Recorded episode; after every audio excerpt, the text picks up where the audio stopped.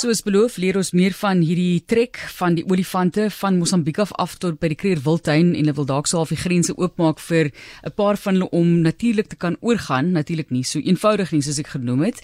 Dr. Michelle Henley is saam met my op die lyn en sy is die hoofuitvoerende beampte, mede-stigter en hoofnavorser van die Elephants Alive nie regeringsorganisasie. Sy is ekoloog met 'n PhD en dit is oor die verskille tussen olifante en koeie en bulle en wat hulle eet. Doen nou tans ook PhD in filosofie filosofie. Sjoe, omtrent omtrent 'n ingeligte mens op verskillende vlakke. Welkom dokter.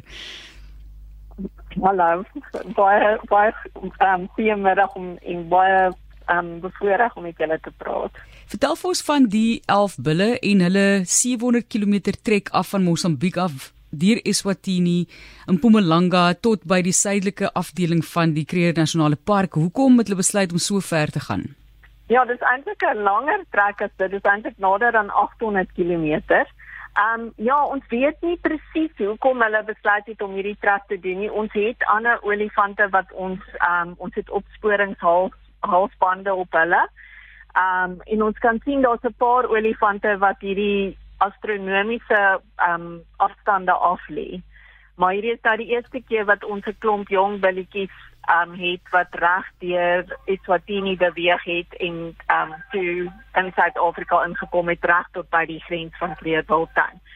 So dit is hoekom ons hierdie halsbande op die olifante sit want ons moet begin verstaan um wat motiveer hierdie tipe van beweging.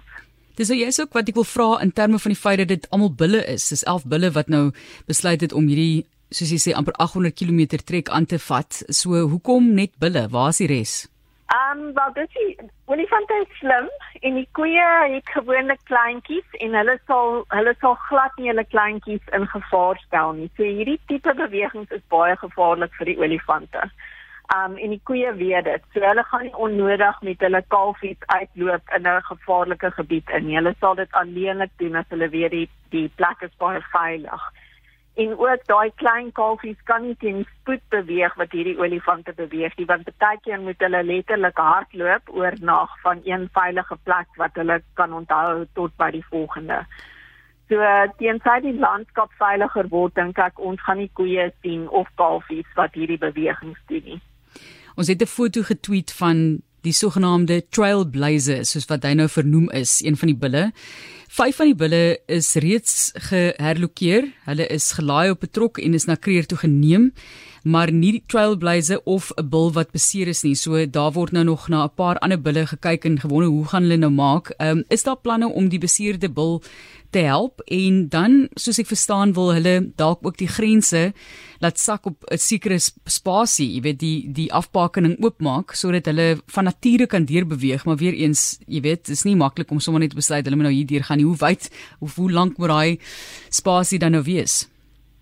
Daar op hierdie stadium se se trailblazer of baanbreker as ons om so wil noem in Afrikaans is daar met vier ander bulle deur um deur Wildtuin tot die noorde van Shingweti vervoer op trokke. So hy hy was aanvanklik naby die draad, maar hy's ook opgelaai baie laat daai middag na die vier ander bulle en het saam met hulle in die Kleer Wildtuin.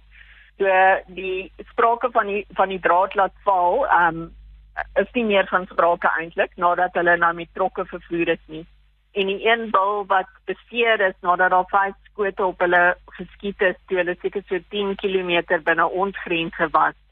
Hulle uh, het ook 'n besluit geneem om hom ongelukkig omkant te maak. So hy is nie op 'n trok gelaai nie, hy is hy is um, omkant gemaak groot jammerte om dit ook te hoor. En die heininge, ja. die heininge is 'n groot ding. Jy moet in die eerste plek met daai heininge onderhou word, maar so die plan om dit nou oop te maak, 'n groot uitdaging sekerlik vir mense en om soos ek verstaan hulle dalk met helikopters te probeer in 'n rigting neem of aanmoedig. Ja, ja mens kan dit doen, maar nie as daar digte bevolkings is van mense nie want dan ehm um, het jy olifante wat wegjaag van 'n helikopter tussen mense se huise. So dit is 'n baie moeilike situasie om te hanteer. En die ding is hierdie olifante wat ons kan sien van ons data is hulle baie slim. Hulle weet wanneer hulle in 'n gevaarlike gebied inkom en dan beweeg hulle net in die nag. En hulle sal verby huise stap in die nag en dan in die dag al wat jy sal sien is spore.